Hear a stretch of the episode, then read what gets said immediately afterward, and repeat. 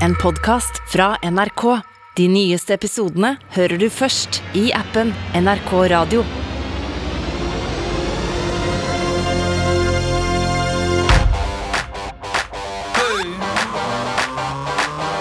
Popkorn over politikk med Sean Henrik Matheson og Gjermund Stenberg Eriksen.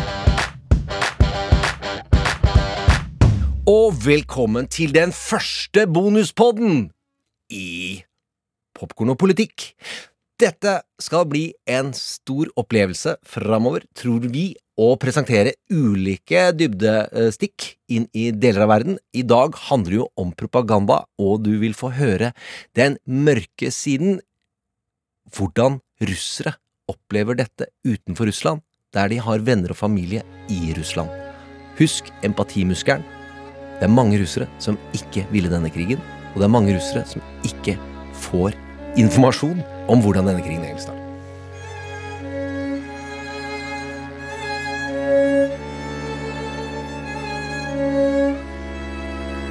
Popkorn og politikk har fått besøk av Jevgenia Koroltseva. Velkommen, Jevgenia. Takk, takk. Du er fra Russland. Du har bodd her i Norge i 20 år omtrent.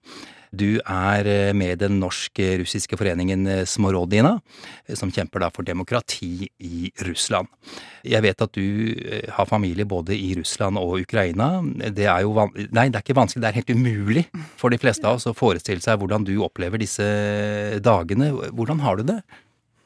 Jo, jeg har jo det for så vidt greit, men uh, det er klart det går jo litt opp og ned eh, følelsesmessig. Mm. Det må jeg innrømme. Ja. Akkurat i dag så er det jo kanskje litt eh, en av de vanskeligste dagene så langt, ja. fordi i, i, kraft at jeg har jobbet i Menneskerettighetsakademiet mm. i ganske mange år, mm. så, og vi har engasjert oss i menneskehetsundervisning i Russland, mm. i hvert fall i perioden fra 2008 til 2017. Eh, så begynner jeg å få meldinger liksom, fra tidligere kollegene mine som bor ulike uh, deler i Russland, ganske mm. spredt, mm. om at det går bare én vei.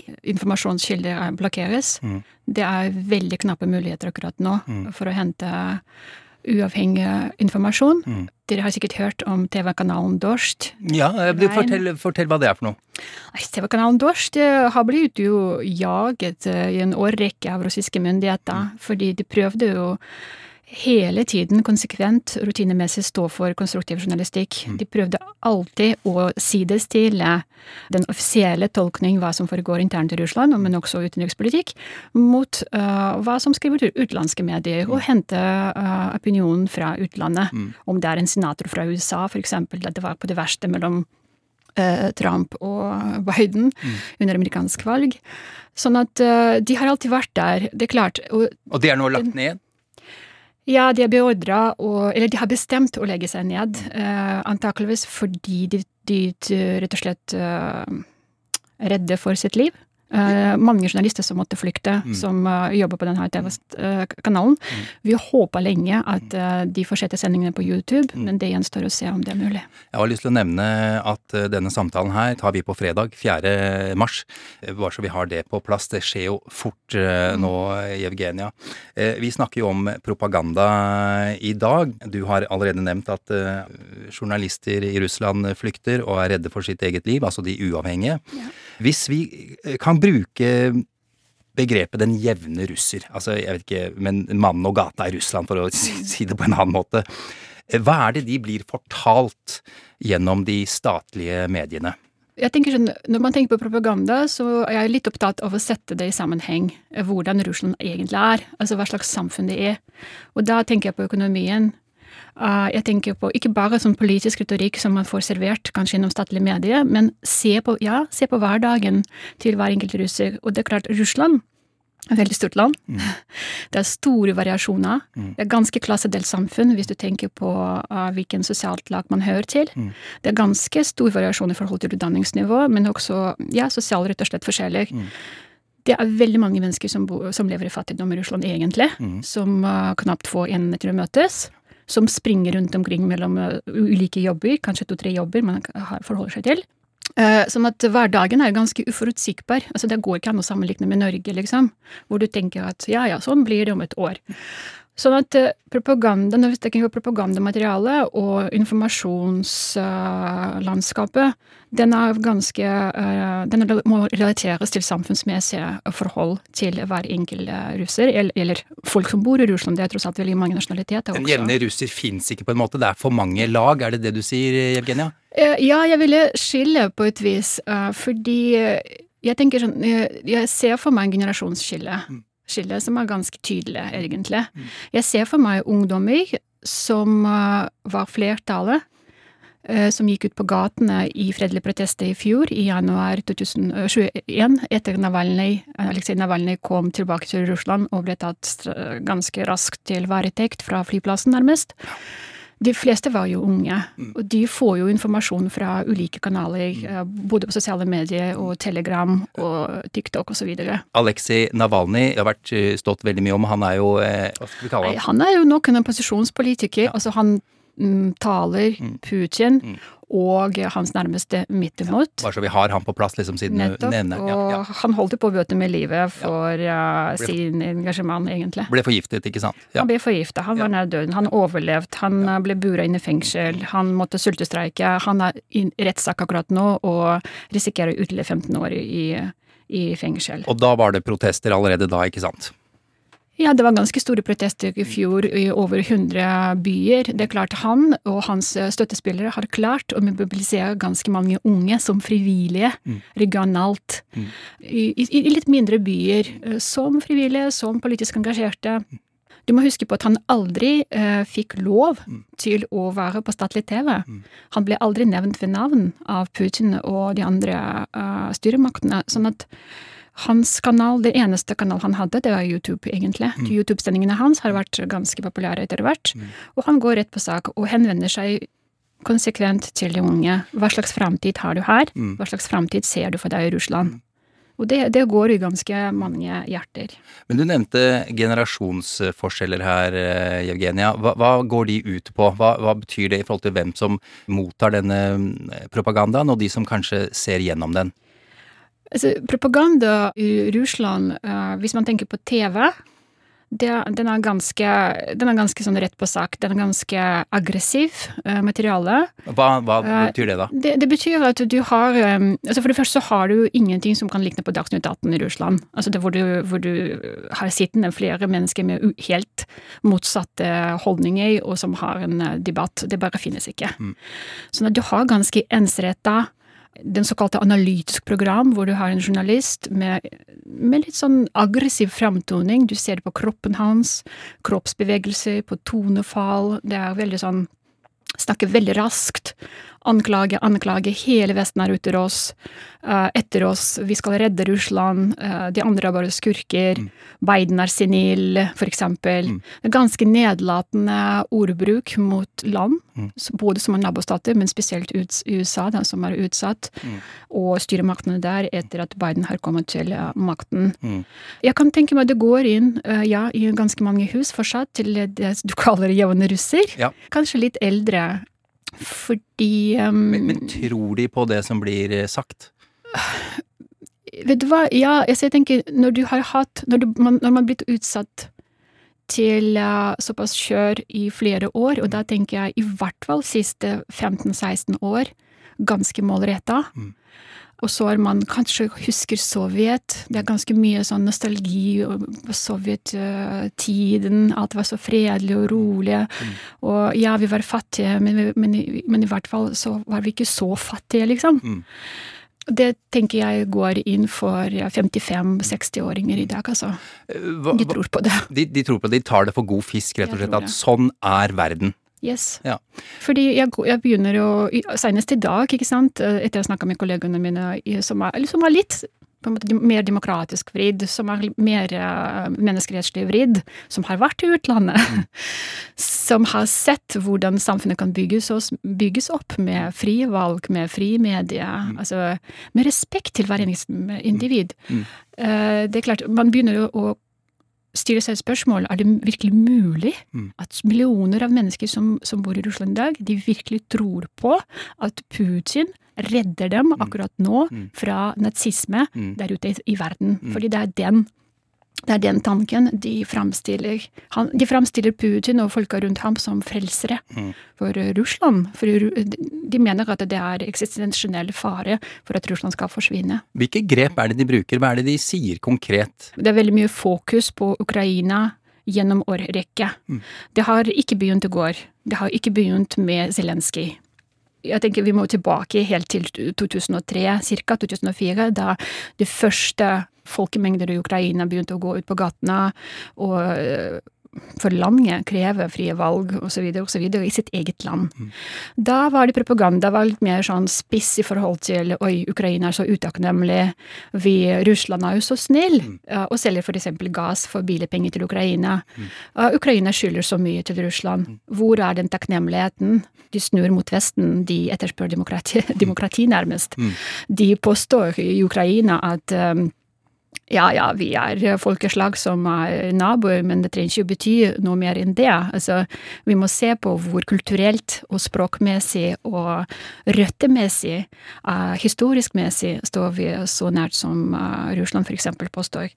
At dette har begynt. Og hvis du husker på Ukraina har jo opplevd Ja, Ukraina er vanskelig eh, politisk eh, sammensatt eh, land, tenker jeg. Det er klart det er veldig mye korrupsjon hvis du ser på Transparency International-liste i forhold til Ukraina. Men samtidig så har de opplevd frie valg. Makten kommer og går. Politisk styre kommer og går. Dette er den største trusselen for Putin-regimet. Det er det de er redde for. De vet veldig godt at uh, folk i Russland er klare at uh, de skal gå av. Uh, så dette vil de unngå, unngå med alle mulige midler. Du skal huske på at i Ukraina for ti år tilbake så har de hatt en president kalt Viktor Jusjenko, som har vært forgifta i vannsyre. Altså hans ansikt ser jo ikke ut. Han ble konsekvent på russisk medie. Statlige kanaler, statlige TV-kanaler ble kalt for mazurik, som kan gå for uh, tyv, huligan, altså tulling, nærmest. Så det er ganske sånn konsekvent nedlatende, spesielt i, i Ukraina. Nå er det østlig territorium i Øst-Ukraina som er i spissen, da. Hva hører du eh, om hva Russland nå viser på, på TV i forhold til akkurat det som skjer nå, av, av krigen i Ukraina? Ja, du vet, det er jo Jeg må innrømme, det er lenge siden jeg har sett på øh, øh, russisk TV, men jeg har jo slektninger som bor i Russland. Så jeg ba min, øh, min svigerinne faktisk å ta opp øh, nyhetssending. øh, sånn sånn siste på en måte versjon av nyhetssending. Uh, det som du ser, det, du ser ikke Putin noe særlig i sendingene, i hvert fall på dagen. Det er ganske mye som er Lavrov er til stede, utenriksminister. Han er ganske sånn Han kjører rett på antivest. Eh, han truer med atomkrig. Han uh, står fram og sier det der uh, uten, Mine kolleger i Vesten, eh, hva, er det de sitter og tenker på? At vi stopper eh, og ikke uh, initierer atomkrig, for eksempel. Han, han skylder vel på Vesten nå, at det, er de, at det er Vesten som begynte med den eh, Ja, ja, ja. Det er Vesten som har skylda for alt. Det er de på en måte prøver å holde taler og fremstille at eh, Russland er i forsvar nå. Mm. Russland er i forsvar for sin egen eksistens. Og man er der. Altså det er et budskap som går inn. I, i, i, I sendingene på kvelden så ser du Putin, men igjen, er det opptak, eller er det, når er det blitt laget? Fordi det ryktes også at han har jo sittet i bunker på grunn av pandemien, eller av gud vet hva. Mm. Uh, I hvert fall siste halvannet år. Mm. Men han er i hvert fall på TV uh, i kveldssending uh, klokka ni russisk tid, eller Moskva-tid, da. Mm. Og kan gå rett på sak, ja. Mm. At vi redder hele verden nå. Vi redder hele verden fra nazisme, Mm. som Vesten representerer. representerer. Vesten står for å backe opp uh, styret Ukraina, som har blitt så nazistisk Mm. og russisk fiendtlig. Uh, russisktalende russere utryddes i Ukraina, så her må vi bare samle alle krefter vi har, folkens, for å redde uh, russere der borte. Eh, Og det at de drar inn nazisme er jo opplagt et tilbakepek til andre verdenskrig og slike ting, ikke sant? Ja, det budskapet går jo veldig inn i jevne russer, fordi vi vokser jo opp med krigen, uh, annen verdenskrig, det er liksom hele det som har skjedd. Nå er det jo ganske riktig å si, tror jeg, det at det var Sovjetunionen som var part i annen verdenskrig, det problematiseres aldri i Russland. Det er ikke lov å snakke om det, nærmest.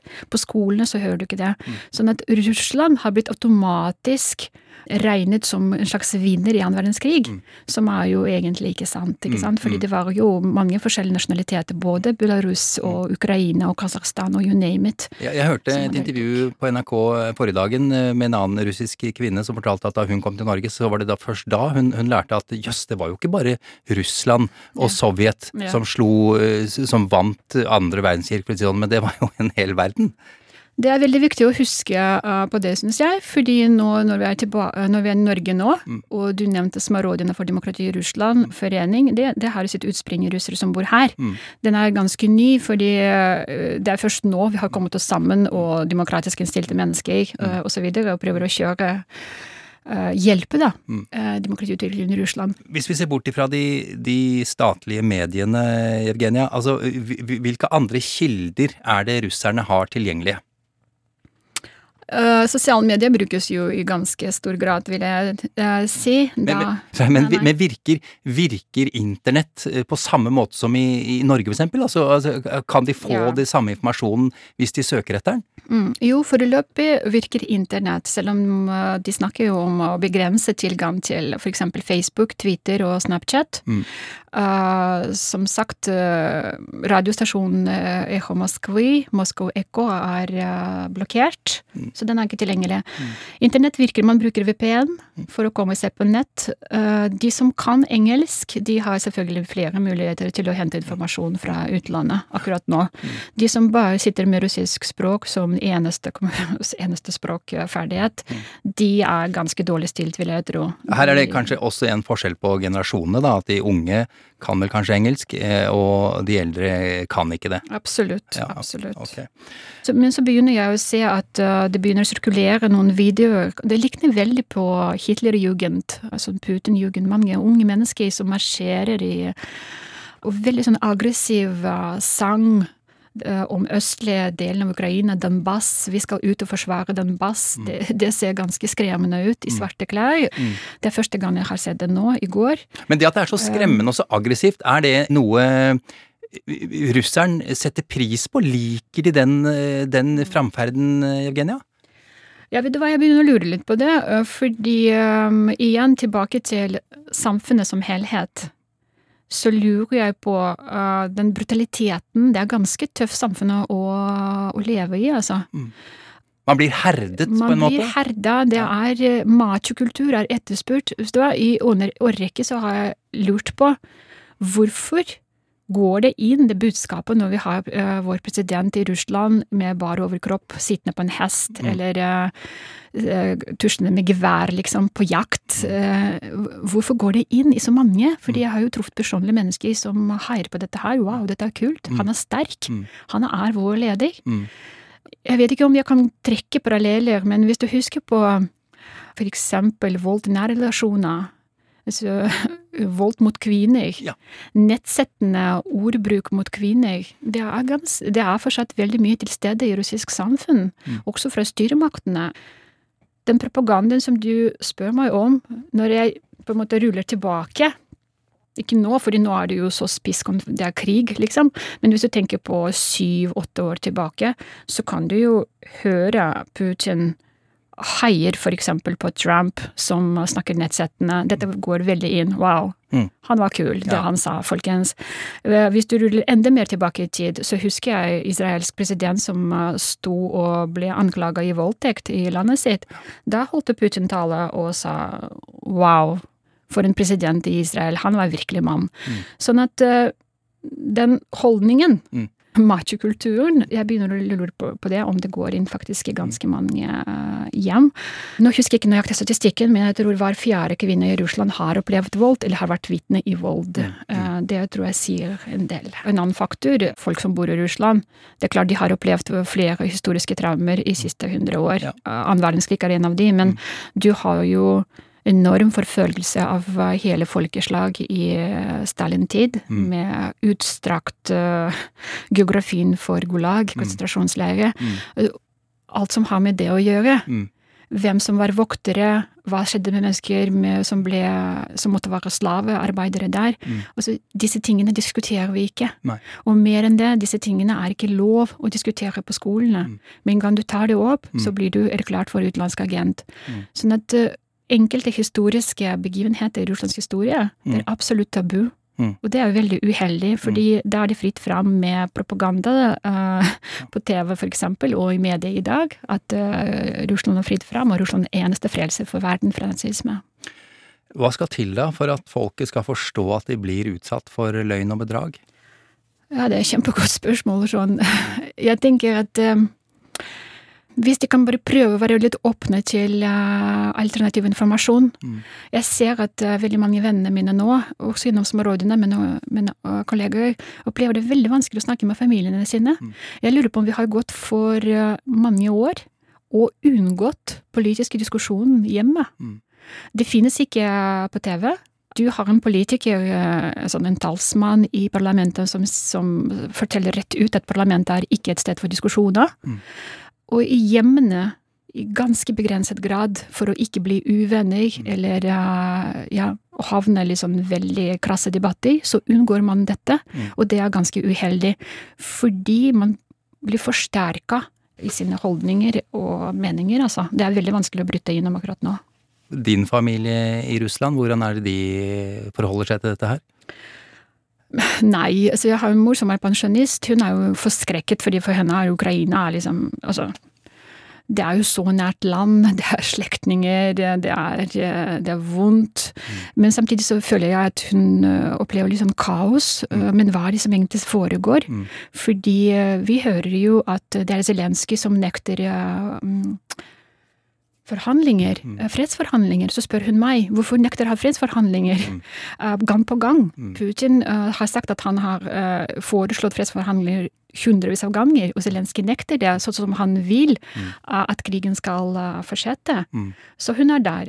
Mm, Yngre de mener som men skjønner, vi ser jo ikke på det statlige TV, altså jeg aner ikke hva Putin sa sist, liksom. Mm, mm, Men på. TikTok så går det jo masse sånn hånd mot Putin, eller de andre, Lavrov, øh, hva er det de sier, og så videre, og så videre. Det er mer sånn som spøk noen ganger. Alvoret kommer for, øh, for, for fullt nå, altså. Ja. Fordi man frykter krig også i Russland. Mm. Man snakker jo om å erklære krigstilstand akkurat nå. Mm. Stenge grensene. Mm. Erklære full mobilisering Mm. videre. Altså, media er nede. Mm. Informasjonskilder er nede. Og hva som skjer, hvis du poster noe, jeg vet ikke, som politikeransikt eller eh, noe fra Ukraina, så kan man bli erklært for å være landsforræder, og da er det 15 år i fengsel, nærmest. Mm. Så det blir veldig interessant å se hvordan de håndterer det hele videre. Altså. Folk i Russland er ganske konspiratoriske, sånn at eh, konspirasjonsteoriene som er ute og går, og klart pandemien de siste to år, har skapt enda mer grobunn for alle mulige konspirasjonsteorier som er ute og går. Mm. Og det, der, der har vel kanskje russerne hatt litt sånn tilbøyeligheter for konspirasjonsteorier i, i mange år, nettopp av Ja, en undertrykkelse av, av informasjon og slike ting? Absolutt. Før krigen så, mm, så husker jeg um, forslag fra, styre, fra politisk styre å innføre um, personnumre i Russland, Mm. på lik linje som vi har i Norge.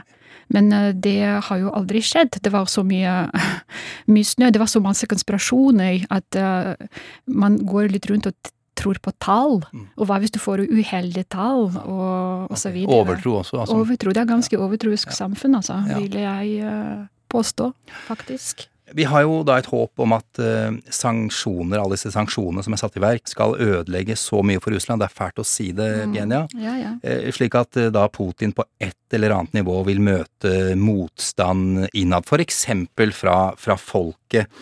Kanskje at leveforholdene for mange russere blir enda vanskeligere enn de allerede er, og at det dermed vil oppstå et slags folkeopprør. Hvor sannsynlig er det? Folkeopprør mot sanksjoner, tenker du på? Nei, folkeopprør mot Putin fordi leveforholdene blir ja. enda verre. Mm.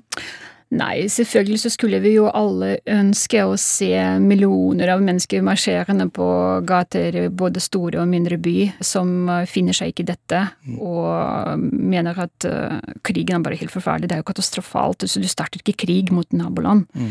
Uh, Det skjer dessverre ikke, for, nettopp fordi det er veldig veldig vanskelig å komme seg litt ut. Så man finner andre måter å protestere på akkurat nå. Mm. Om Russland blir helt stengt, det får vi se. Det er klart sanksjoner. Eh, Man igjen, i statlig, uh, i statlig propaganda, framstiller dette som sanksjoner. uh, bruker man mot oss for å, for å tilintetgjøre oss, altså for å tilintetgjøre Russland. Det, det passer jo veldig fint i den tanken de serverer at Russland har ikke noe rett til å eksistere, eh, når man ser på vestlig retorikk. Det er sånn framstilles det, på en måte. Men så rammer det jo selvfølgelig hver enkelt uh, menneske. Nærmeste jeg kommer på, det er uh, eksempel på um, medisiner som før kun var mulig å få transportert fra utlandet, men nå er det embargo, og om det kan ramme eh, familier, men også barn som har funksjonshemminger. Det Så- er diskusjonen som pågår nå. Så dette er jo grusomt å høre, men så det, liksom det vi håper på på et vis, i hvert fall noen, at det skal bli vanskelig for russeren, kan føre til en, til en, en eh, motstand mot Putin-regimet, kan gå også andre veien, hvis jeg forstår deg rett. Litt vanskelig for meg å si akkurat nå.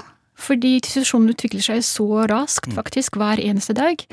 Jeg er litt usikker på om eh, folk som har hentet informasjon fra flere kilder, Mm. og som virkelig ser ødelagte byer For du må huske på på statlig TV, Mm. ser du ikke ødelagt Kiev-gatene, altså. Nei, nei. Du ser rolig, fredelige torger Mm. i Kiev. Mm. Folk spaserer helt vanlig liv. Mm. De, de, de har brukt en god del av tiden for å legge lokk på hva som egentlig foregår. Mm. At det er militære styrker der. Informasjon om soldater fra Russland, om eh, våpen fra Russland, det, det, det har vært under lokk for hele den tiden siden krigen starta, nå i ti dager. Og det er jo også ganske mange etter hvert døde russiske soldater. Jeg antar at det heller ikke blir fremført på, på statlige medier. Nei, eh, de eh, det var veldig stille om det. Mm.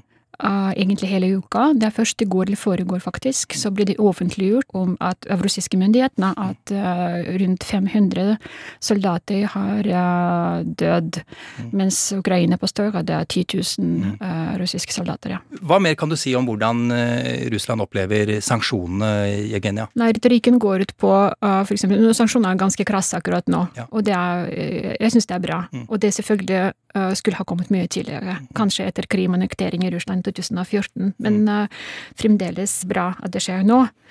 Av russisk statsmakter så fremstilles det ja, ja, forretninger fra Russland er utestenges nå fra europeisk markedet, Mm. mens vi er snille, vi. Ja. Vi kaster ut ingen. Sånn at uh, de prøver å skape et uh, bilde at eh, de er mer sjenerøse, Mm. de er snillere. Vi klarer oss i Russland uten vestlig dekadente, forfalne produkter som for eksempel roquefort-ost Mm. Eller uh, blåmuggost, ikke sant. Man er der. En ting er at Russland har et, eh, for, for, forteller om et bilde der, der Vesten er eh, den store fienden og de onde. Eh, Er det noen andre bilder de maler ut om, om Vesten? Altså er vi liksom Er vi fattige? Er vi, Ja. er vi liksom hva slags Hva er det det går på da? Ja, nei, de maler ikke at dere er fattige, Nei, de nei. maler at dere er uh, dekadente. Altså det er forfall. For forfall og dekadente. Vesten står for forfall Ja, ja. fordi uh, det er fritt fram med homoseksualitet, homofili. Ja. Det er helt uh, normalt, liksom. Mm. Det er nærmest ikke noe forskjell mellom kjønn. Mm. Man har hen, Mm. man har tredje kjønn. Det er eh, tegn på forfall. Mm, mm. De insisterer veldig mye på. Som igjen går inn i den macho-kulturen, ikke sant? På et vis, antar jeg. Ja, på et vis så går det inn i matchkulturen, samtidig så det går inn at man fornekter personlig frihet. En individuell frihet. At du bestemmer over livet ditt selv. Mm. Eh, At du kan velge dine Du gjør dine valg Mm. selv, Mm. og du har ansvar selv for dine valg. Det står Vesten for. Og det er liksom ikke våre russiske verdier. Du skal være en del av gruppe, du skal være en del av kollektivet. Du skal føle noen forpliktelse. Mm. Det dreier seg ikke bare om deg, det dreier seg ikke om dine individuelle friheter og rettigheter. Mm. Ja, Og mene at eh, kvinner eksempel er frie, og de kan bestemme over kroppen sin, eller eh, hvordan de ser ut, og så videre. Man, man blir satt en ganske sånn eh, rigide, rigide mm, rammer. Hvordan går det med din familie i Ukraina? Nei, så det er jo litt surrealistisk hver dag, fordi eh, Snak, snakker du med dem? Ja, jeg, snakker spesielt med fetteren min. Han bor i en by Dnepro. Det er eh, ikke helt øst, men litt øst allikevel, til Kyiv. Kiev. Jeg kan ikke si han har snakket særlig. Han er med på å sende meg korte meldinger hver dag, fordi, men han påstår at jeg skal ikke bekymre meg og sånn og sånn. Mm. Jeg vet at han kanskje ikke sender all informasjon til foreldrene sine, som bor i Russland, Mm. men de har flytta fra Ukraina for, en, for et par år tilbake. Men ja, jeg ser jo disse videoene med eksplosjoner som uh, både han og hans uh, venner har filma på utkanten av byene de bor i. Mm. Sånn at uh, det er ganske sånn grotesk, surrealistisk bilde akkurat nå. Mm. Men jeg er veldig opptatt De siste dagene så har vi rett og slett brukt å nesten manuelt overføre informasjon, litt alternativ informasjon internt i Russland, fordi folk er så overbevist, eh, men samtidig etterspør hva som egentlig skjer, hva, sier, hva sies det hos dere, hva skriver norske medier om det som foregår nå. Men hvordan overfører du det manuelt? Hva mener du med det? Sende meldinger på WhatsApp, Ja, ja, ja, eh, sende meldinger på Telegram, rett og slett. Mm. BBC har skrevet det, Mm. våre medier skriver det. Mm. Hva, hva har dere hørt? Mm. Og det er veldig mye som å, hva mener du, er det krig der ute? Mm. Sier, ja, faktisk, det er faktisk krig der ute, og det er eh, Russland som har angrepet Ukraina. Mm. Og nei, det, det har de ikke forstått. Så de vet rett og slett ikke hva som foregår. Nei. Det er veldig mange mennesker i Russland nå som uh, tror jeg ikke vet Mm. hva som foregår, ja, Mm. i Ukraina. Mm. Og så er det jo selvfølgelig veldig mange som ikke vil vite. Hvorfor vil de ikke vite? Jeg begynner å lure på sånn at eh, når du lever den der informasjonspropaganda, veldig krass, negativ, fiendtlig propaganda som blir servert fra statlige myndighetene, Mm. så er det en slags forsvarsreaksjon. Du vil ta fra, avstand fra dette her. Mm. Altså, dette er ikke, det angår meg ikke. Jeg er ikke interessert, jeg vil ikke høre om det. Mm. Men det er fordi man har nok med seg selv, og nok med sine liv, som er eh, som er ganske um, ydmykende, liksom, og ganske elendige, når jeg tenker meg om. Det er veldig mye fattigdom. Det var sist jeg snakka med moren min, og prøvde å diskutere krigen. Mm. Så sier hun Jenny, vet du hva, jeg vet ikke hva jeg skal tenke. Altså, nå kommer naboen min, en ung jente, mannen hennes døde, hun har to barn, hun har ikke noe mat å gi til disse barna. Mm. Og så sier jeg, men det er jo det vi må snakke om på TV. Ja. Vi må snakke om interne forhold. Mm. Vi må snakke om virkelig hvordan folk i Russland lever. Mm. Hva er gjennomsnittlig lønn? Mm. Hvordan, hvordan staten er der for deg og, og beskytter deg sosialt. Mm. Men alt den debatten, Mm. hva som skjer internt av sosialøkonomiske forhold, det er jo helt fraværende. Det er bare utenriks Mm. eh, nyheter. Mm. Ukraina, Vesten, Ukraina, Vesten, USA, Mm. uh, ute etter oss. Mm. Sånn at uh, man, man tenker ikke, eller man problematiserer det ikke på Mm. samme måte så som vi er vant til her, Er, hva slags, som skjer internt. er det en slags aksept om at uh, livet i Russland er vanskelig, og sånn er det? Det er klart, fordi nå har jeg bodd her i 20 år. På 20 år har det skjedd mye i Russland. Og Russland er et stort land. Vi har en eh, region i Russland ganske langt sør, Tsjetsjenia. Mm. Tsjetsjenia har vært gjennom to kriger, under Putin-styret. Gang på gang så har vi, mens vi var studenter her på Blindern, Mm. gikk til den russiske ambassade i protest. Mm. Men vi var, vi var på en måte aldri mindre, alltid mindretall. Jeg vil si det, altså. Mm. Det er mange mennesker som sier ja ja, men hva, hva kan vi gjøre? Mm. Vi- Det er jo ingenting som er avhengig av- oss. Det er der, der oppe. Store øh, menn. Ja. øh, kloke menn som bestemmer, og det, el- ellers så er det bare hjelper ingenting. Men da Politkovsk, Anna Politkovskaja ble drept, Mm. som bursdagspresang antakeligvis til Putin i i 2007, så sto vi der ved russisk ambassade. Mm. Sånn at øh, ja, det er en slags passivitet Mm. som har vært der i veldig, veldig mange år. Eller, eller man virkelig ikke tror at du kan forandre på, på situasjonen. Mm. Igjen, i skolen, Mm. i barnehage, i skolen allerede, du får ikke den muligheten til å stå frem og si hva du mener. Mm. Altså, du må levere fasit. Mm.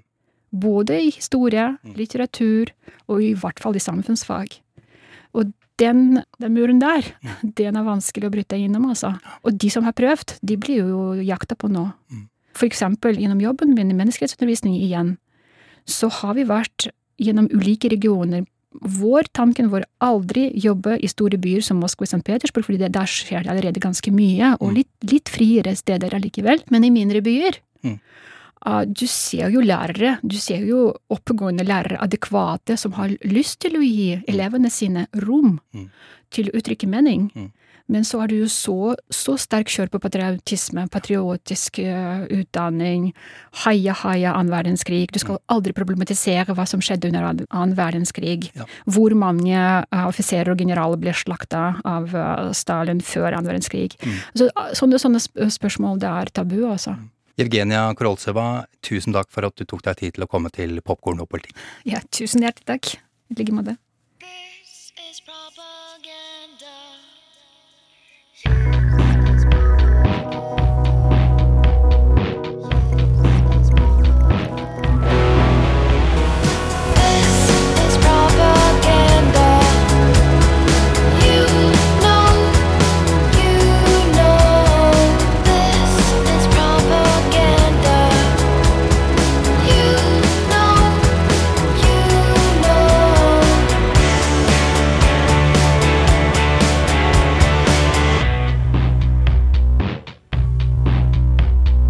Sigurd Falkenberg Mikkelsen, du har vært gjest i poden vår før. Det kan folk finne ut av. Du er utenriksredaktør. Vi er litt nysgjerrig på selvfølgelig hvordan NRK jobber da, i felt, og ikke minst med å sile informasjon, for det er jo masse av det.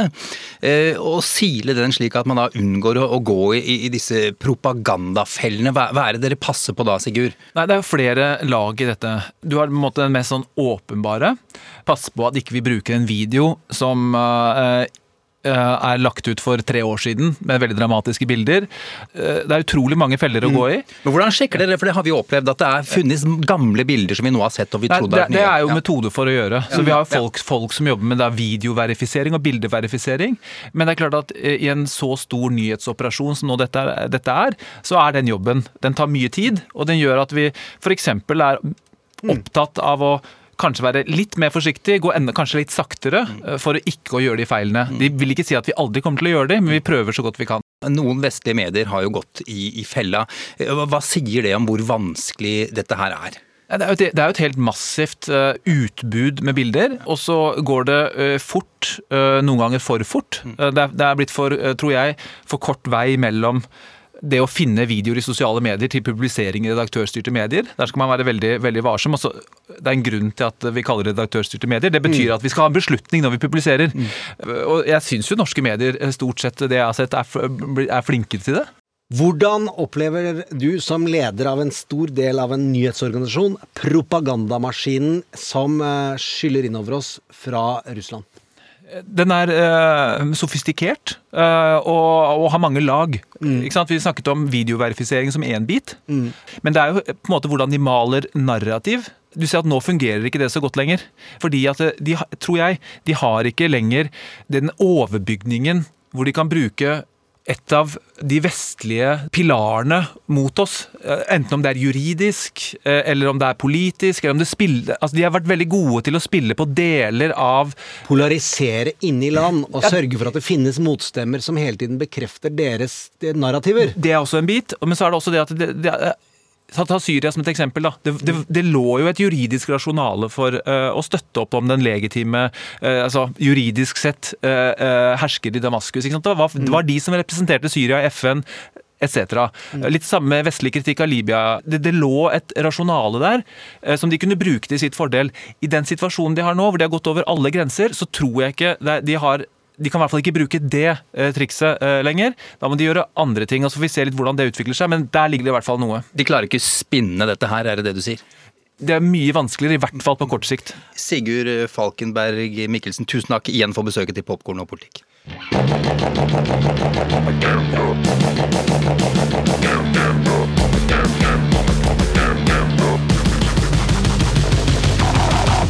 Popkorn og politikk.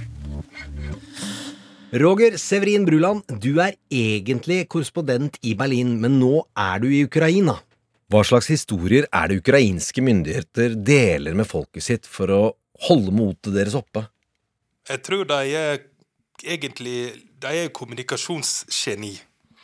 Og de, de, de, er utrolig flinke til å formidle sin side av saken. Og eh, de er jo Det er jo et humoristisk folk, ikke sant? Og de er så flinke til å liksom grave opp gode historier. Ikke, har du hørt om spøkelset spøkelse i Kiev? Ja, Det er en god historie, den har vi ledd mye av. og det, det er helt sikkert bare tull og tøys. Men det begynte med at det var posta på Twitter da, bilder av en sånn eh, MiG-29 som fløy i lufta over Kiev. Og så ble det laga sånne historier. Hvem kan dette her være? da? Så var det noen som mente at ja, det er en taxisjåfør, pensjonert uh, jagerpilot, som uh, sikkert sånn snart 60, som uh, bare satte seg i et fly og klarte å skyte ned fem-seks russiske jagerfly. da. Også, men det er ingen som veit hvem det er. da. Og så var det liksom hele tida spekulasjon. Hvem kan det være, da? Og det er laga massevis av sånne memer på nettet med spøkelser fra Kiev. Det er litt sånn Kievs superhelt. da. Kievs Batman. Og så en sånn meme. Da var det, da var det avslørt at det var liksom Porosjenko, da, den tidligere presidenten. litt sånn tilårskommen, korpulent som satt bak der. Så, så, det er jo ja, det er jo litt sånn altså, det, det, er jo masse humor, og det er jo overlevelsesstrategi. Og det har jo disse her folk her massevis av. Sånn som det her mikrobryggeriet Pravda, som driver masse sånn ironiske De har jo det her Putin-ølet der Putin er framstilt som en slags eh, djevel på etiketten. og De har Angela Ribbentrop-øl, og de har masse sånn rare, ironiske, sånn politiske sånn ølmerker. Og de uh, kunngjorde da, ganske modig på Twitter at uh, ja, nå skal vi slutte å brygge øl, og skal vi begynne å brygge Molotov-cocktails. Og så var det alle mann Eh, sto på bryggeriet og laga Molotov-cocktails. Og så fylte de på sånne russiske tomflasker, som Baltica. Da. Så sa de liksom spøkefullt ja, nå skal vi sende tomgodset tilbake til eieren, liksom.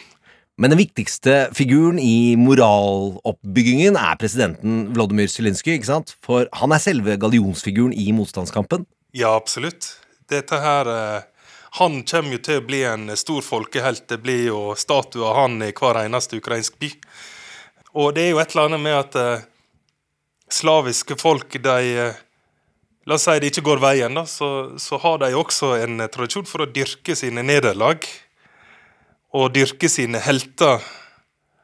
Det her tror jeg absolutt kommer til å, til å bli en, en, en, ny sånn stor, stor helt i en fortelling. Og ikke minst en fortelling om nasjonsbygging. Og det her blir jo det som tilsvarer andre verdenskrig for Norge, at uh, Ukraina, som kanskje siden 1400-tallet har vært under et annet imperium, finner sin nasjonalitet. Og den er de i ferd med å finne nå.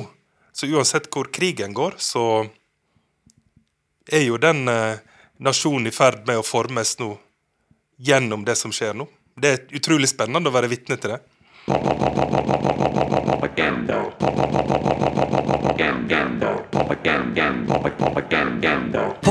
Popkorn og politikk.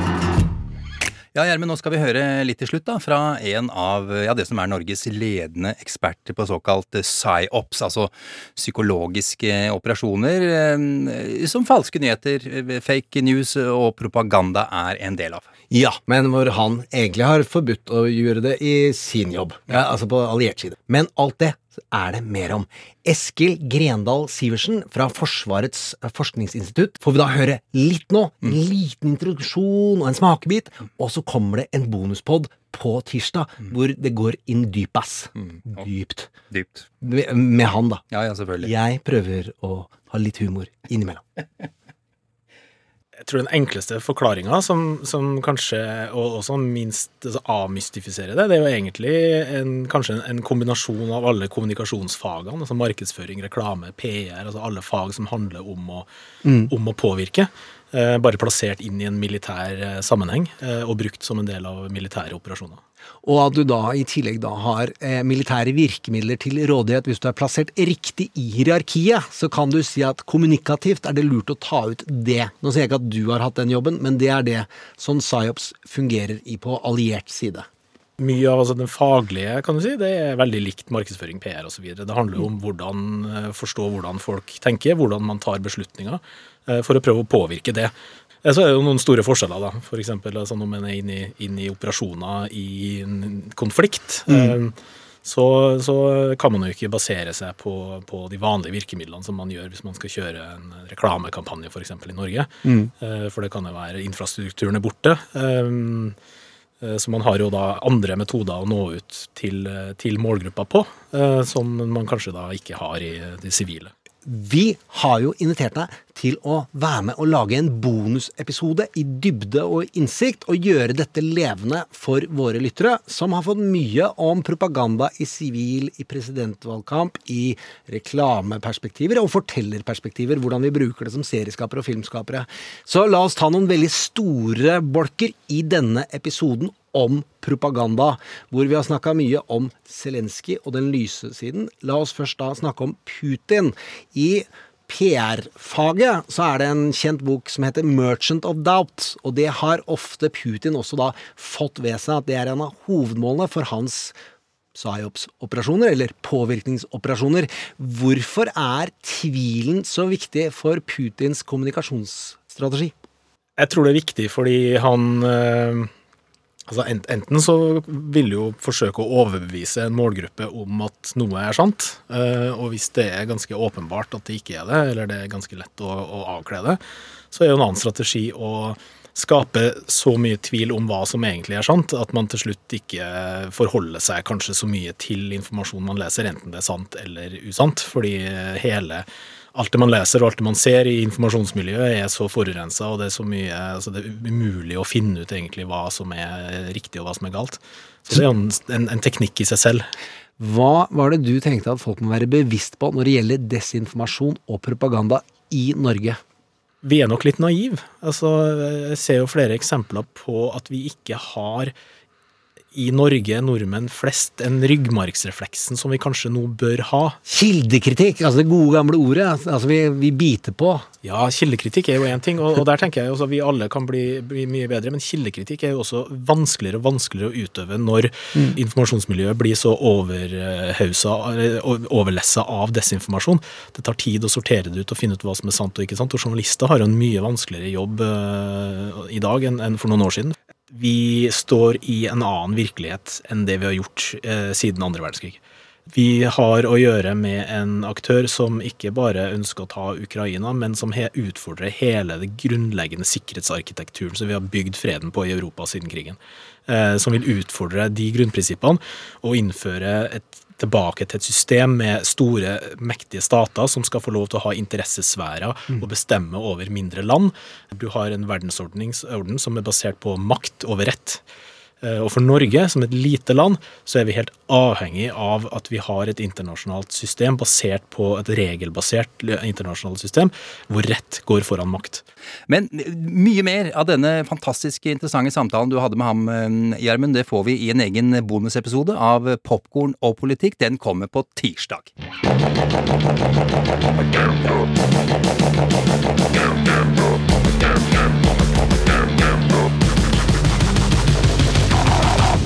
Popkorn og politikk. Du har hørt en podkast fra NRK. De nyeste episodene hører du først i appen NRK Radio.